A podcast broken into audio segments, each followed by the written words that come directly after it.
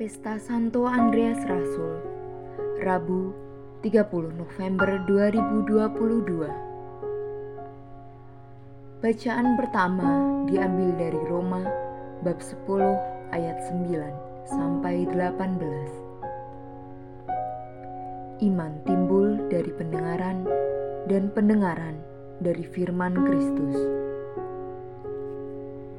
Saudara-saudara, jika kamu mengaku dengan mulut bahwa Yesus adalah Tuhan dan percaya dalam hati bahwa Allah telah membangkitkan Dia dari antara orang mati, maka kamu akan diselamatkan. Karena dengan hati orang percaya dan dibenarkan, dan dengan mulut orang mengaku dan diselamatkan. Karena kitab suci berkata, Barang siapa percaya kepada Dia, tidak akan dipermalukan. Sebab tidak ada perbedaan antara orang Yahudi dan orang Yunani. Karena Allah yang satu itu adalah Tuhan semua orang, dan Dia kaya bagi semua orang yang berseru kepadanya. Sebab barang siapa yang berseru kepada nama Tuhan akan diselamatkan. Tetapi bagaimana mereka dapat berseru kepadanya jika mereka tidak percaya kepada dia? Bagaimana mereka dapat percaya kepada dia jika tidak mendengar tentang dia? Bagaimana mereka mendengar tentang dia jika tidak ada yang memberitakannya? Dan bagaimana mereka dapat memberitakannya jika tidak diutus? Seperti ada tertulis, betapa indahnya kedatangan mereka yang membawa kabar baik.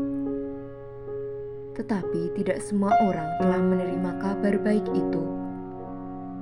Yesaya sendiri berkata, "Tuhan, siapakah yang percaya kepada pemberitaan kami?"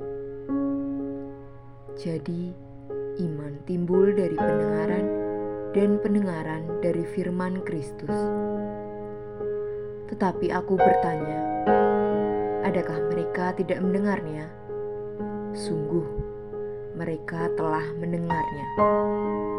Suara mereka sampai ke seluruh dunia, dan perkataan mereka sampai ke ujung bumi. Demikianlah sabda Tuhan.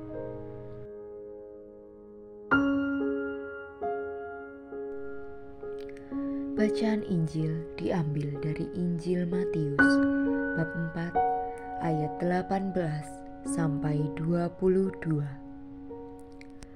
Lalu mereka pun segera meninggalkan jalannya dan mengikuti Yesus.